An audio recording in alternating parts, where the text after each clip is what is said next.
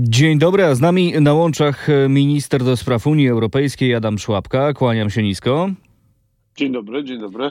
Panie ministrze, słyszeliśmy w faktach o mm, rozmowach w Paryżu i w Berlinie. Pan towarzyszył premierowi Donaldowi Tuskowi e, w tych e, wizytach. Ja chciałem zapytać, jakie deklaracje po spotkaniach w Paryżu i Berlinie w sprawie Ukrainy? To znaczy, czy w ramach trójkąta weimarskiego możemy się mm, spodziewać jakiejś dodatkowej pomocy dla Ukrainy poza tą unijną pomocą, którą, która tam płynie? Oba spotkania, oba spotkania oczywiście przede wszystkim dotyczyły kwestii bezpieczeństwa, w tym no przede wszystkim tego, co jest najważniejsze, czyli takiego bezpieczeństwa militarnego militarnego y, Europy i każdego z państw członkowskich. E, I oczywiście dotyczyły tego, co jest y, dzisiaj największym zagrożeniem dla Europy, czyli wojna, wojna w Ukrainie. No, ze względu na, na charakter, ja tutaj jakby niespecjalnie chcę wchodzić w szczegóły, natomiast to, co na pewno, na pewno y, można powiedzieć, to to, że wsparcie ze strony i Unii Europejskiej i poszczególnych państw członkowskich, w tym oczywiście Francji, Polski i Niemiec y, będzie niezachwiane. No i jednocześnie wszyscy sobie bardzo dobrze zdajemy sprawę i, i będziemy się skupiać na tym, żeby wzmocnić y, potencjał obronny wszystkich państw y, członkowskich Unii Europejskiej i całej Unii. No właśnie, mówił Pan o tym, mówi Pan o obronności, mówi Pan o potencjale obronnym, mówił o tym też premier Tusk. Czy to należy odczytywać jako zapowiedź utworzenia wspólnej europejskiej armii?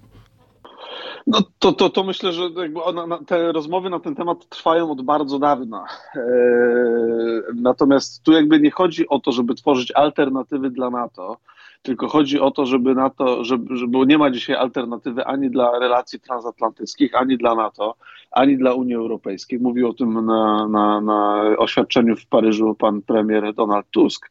Natomiast jakby z całą pewnością y, Europa, no no, Polska akurat w, w, tym zakresie zdanie miała jednoznaczne od bardzo, bardzo dawna, natomiast Europa po 24 lutego 2022 roku budzi się z letargu e, takiego i zdaje sobie sprawę z tego, że trzeba potencjał mm, obronny no, całej, no, całej Europy wzmocnić. Tak, ale co to oznacza, panie ministrze? To znaczy, no, rozumiem, że Polska będzie tutaj w pewnym sensie ambasadorem tej myśli, żeby ten potencjał obronny zwiększać, ale to, to oznacza, że, że, że będziecie lobbować no, za zwiększaniem unijnych wydatków na obronność, za jakąś no to, współpracą wojskową, za wspólnymi ćwiczeniami.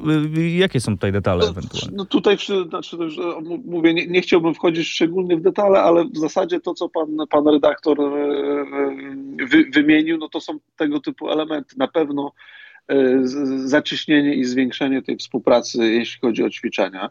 Na pewno też no, naciskanie, zachęcanie wszystkich państw e, członkowskich e, Unii Europejskiej, żeby zwiększyły swoje wsparcie dla Ukrainy. No tutaj Polska jest przecież liderem, ale no, trzeba powiedzieć też, że po, tym, po takim początkowym, na, na samym początku zawahania, Niemcy są no, bardzo dużym takim dodawcą pomocy, jeśli chodzi o Ukrainę, to chyba w, w, tym, w zeszłym roku to było chyba 7, 7 miliardów miliardów euro, no ale to jest też y, jakby pilnowanie tego, żeby wszystkie państwa y, sojusznicze y, spełniały tą na taką wspólną deklarację 2%, przy minimum 2% PKB i tutaj Polska akurat ma bardzo dużo do powiedzenia, bo Polska wydaje na obronność no 4%, czyli jakby dwukrotność tego, do czego się zobowiązała. E, i jakby ma też no zdecydowanie i, i to, że Polska miała od początku jednoznaczne zdanie, że NATO nie może być słabe, że, że państwa państwa europejskie też muszą wziąć na siebie e, dużą część odpowiedzialności za tą, za tą wspólną obronę, no to Polska ma, e, ma absolutnie prawo tego wymagać. A jeżeli chodzi zakresie... o... Mhm. Tak, tak, tak. Jeżeli chodzi o wspólne zakupy zbrojeniowe, y, czy to też jest tutaj brane pod uwagę, by Unia dokonywała wspólnych zakupów zbrojeniowych? No tak jak mówi się o wspólnych zakupach amunicji dla, dla Ukrainy na przykład, no ale to y, y, czy, czy są możliwe wspólne zakupy na wewnętrzne potrzeby krajów Unii? Y, znaczy, y, jeśli chodzi o, o kwestię amunicji, no to to już jakby to, to było też kwestią y, już teraz lutowych, lutowej Rady Europejskiej i rozmów na ten temat. I tutaj Unia Europejska, czy państwa członkowskie Unii Europejskiej bardziej w tym przypadku, ale wspólnie zobowiązały się do tego, żeby dostarczyć na Ukrainie no, dużą liczbę milion milion pocisków amunicji 155 mm, które są szczególnie ważne. Tak, oczywiście, mówiąc o wzmocnieniu potencjału obronnego Unii Europejskiej, państw członkowskich Unii Europejskiej, tu jest mowa o wspólnym planowaniu różnego rodzaju przedsięwzięć, ale e, no z jednej strony to są zakupy, a z drugiej strony to jest też wzmocnienie mocy wytwórczych e, europejskiego przemysłu obronnego i myślę, że to też będzie, już nie wchodząc teraz w szczegóły, myślę, że to, to też będzie w najbliższym czasie e, przedmiotem rozmów na, mhm. na, na wielu szczeblach, żeby odtwarzać, czy rozbudowywać, czy budować w niektórych, w niektórych miejscach E, europejski potencjał, e, jeśli chodzi o przemysł obronny. To będzie Pana zadanie jako ministra do spraw Unii Europejskiej, lobbować za tymi rozwiązaniami? To, to znaczy, no to, jest, to jest oczywiście kilka poziomów, no bo mamy, mamy Ministerstwo Spraw Zagranicznych, mamy Ministerstwo Obrony Narodowej, oczywiście e, rola ministra do spraw, do spraw Unii Europejskiej, skoordynowanie prac w tym zakresie resortów i wsparcie na, na poziomie instytucji europejskiej. Ale jeśli chodzi o kwestie obronne, no tutaj oczywiście, oczywiście e, wiodącą rolę zawsze ma Ministerstwo Obrony Narodowej. No i też, e, też Ministerstwo Spraw Zagranicznych, które, którego też zadaniem jest e, współpraca w tym, w tym, w tym zakresie z państwami Unii Europejskiej na, na, na przykład posiedzeniach Rady do Spraw Zagranicznych, bo tam też tego typu, tego typu mm, inicjatywy są podnoszone. No, znamy inicjatywę pana komisarza Bretona, który, który bardzo mocno pracuje nad tym, żeby, żeby dodatkowe środki europejskie były wydawane na wzmocnienie przemysłu obronnego. On był, o ile się nie mylę, dwa tygodnie temu w Polsce, spotykał się z ministrem Kośniakiem-Kamyszem, spotykał się, e, my spotkaliśmy się wspólnie z ministrem finansów. Są na to pomysły. Był też przecież w Polsce komisarz Borel niedawno, spotykał się z ministrem Radosławem Sikorskim. Także, także tak. ta świadomość wagi kwestii bezpieczeństwa, kwestii wzmocnienia przemysłu obronnego i kwestii no, wsparcia Ukrainie w, w Europie jest bardzo dużo. A jeżeli chodzi o bezpieczeństwo, e, bo to też o tym e, była mowa, o bezpieczeństwo cyfrowe, o walkę z dezinformacją, fake newsami. No jesteśmy przed e, wyborami europejskimi. Za chwilę mamy wybory samorządowe. Jakie tu są te deklaracje i jak to będzie wyglądało? Czy tu powstaną jakieś wspólne zespoły? Jakie tu będą szczegóły? No, tutaj nie ma, nie ma złudzeń już y, po, stronie państw europejskich i to też na to zwraca uwagę i, i prezydent Macron i, i kanclerz Scholz, że, że, że zagrożenie ze strony y, Rosji to nie jest już tylko front w Ukrainie, tylko my jesteśmy bezpośrednio zagrożeni. No przecież wiemy o tym, że wybory w, w Niemczech ostatnie, przed wyborami w Niemczech powstało ponad milion kont twitterowych, e, fejkowych e, ze źródłem w Rosji. E, więc jakby na tym się też, też jest tego świadomość i też potrzeba prac na ten temat. Ja tylko chcę powiedzieć, że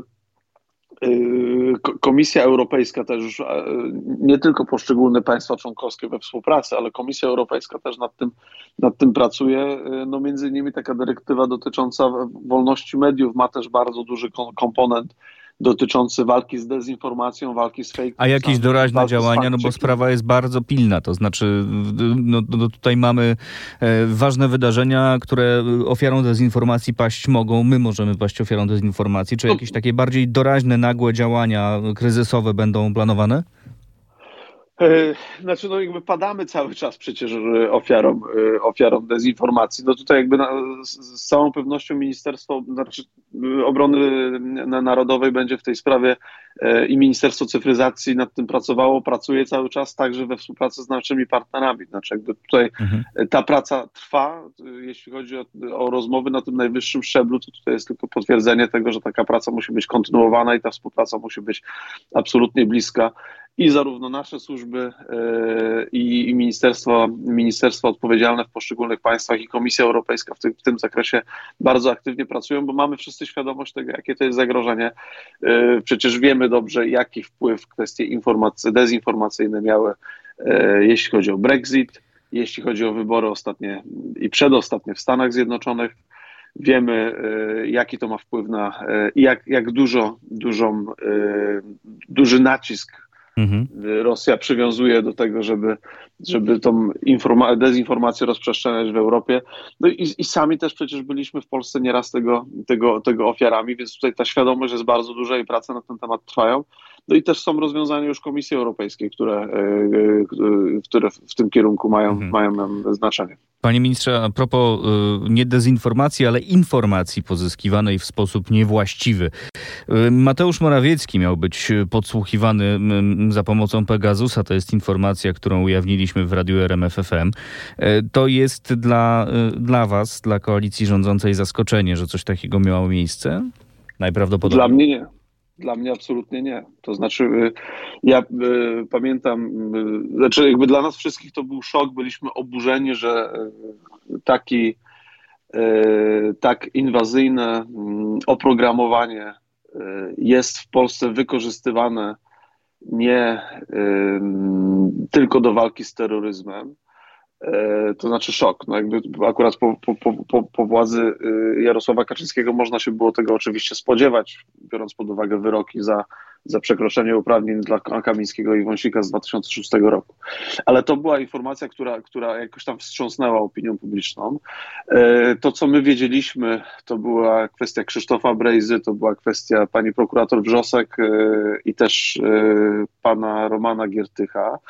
E, ale jakby każdy, kto zna e, środowisko PiSu, to znaczy ja byłem absolutnie przekonany o tym, e, chociaż nie miałem jakby jasnych dowodów, one się teraz będą pojawiały, to zdawał sobie sprawę z tego, że podstawowym podmiotem, czy przedmiotem bardziej, przedmiotem inwigilacji ze strony najbliższych współpracowników Jarosława Kaczyńskiego są ci, których z głównym zadaniem jest utrzymanie większości w Sejmie, która dla Jarosława Kaczyńskiego była kluczowa.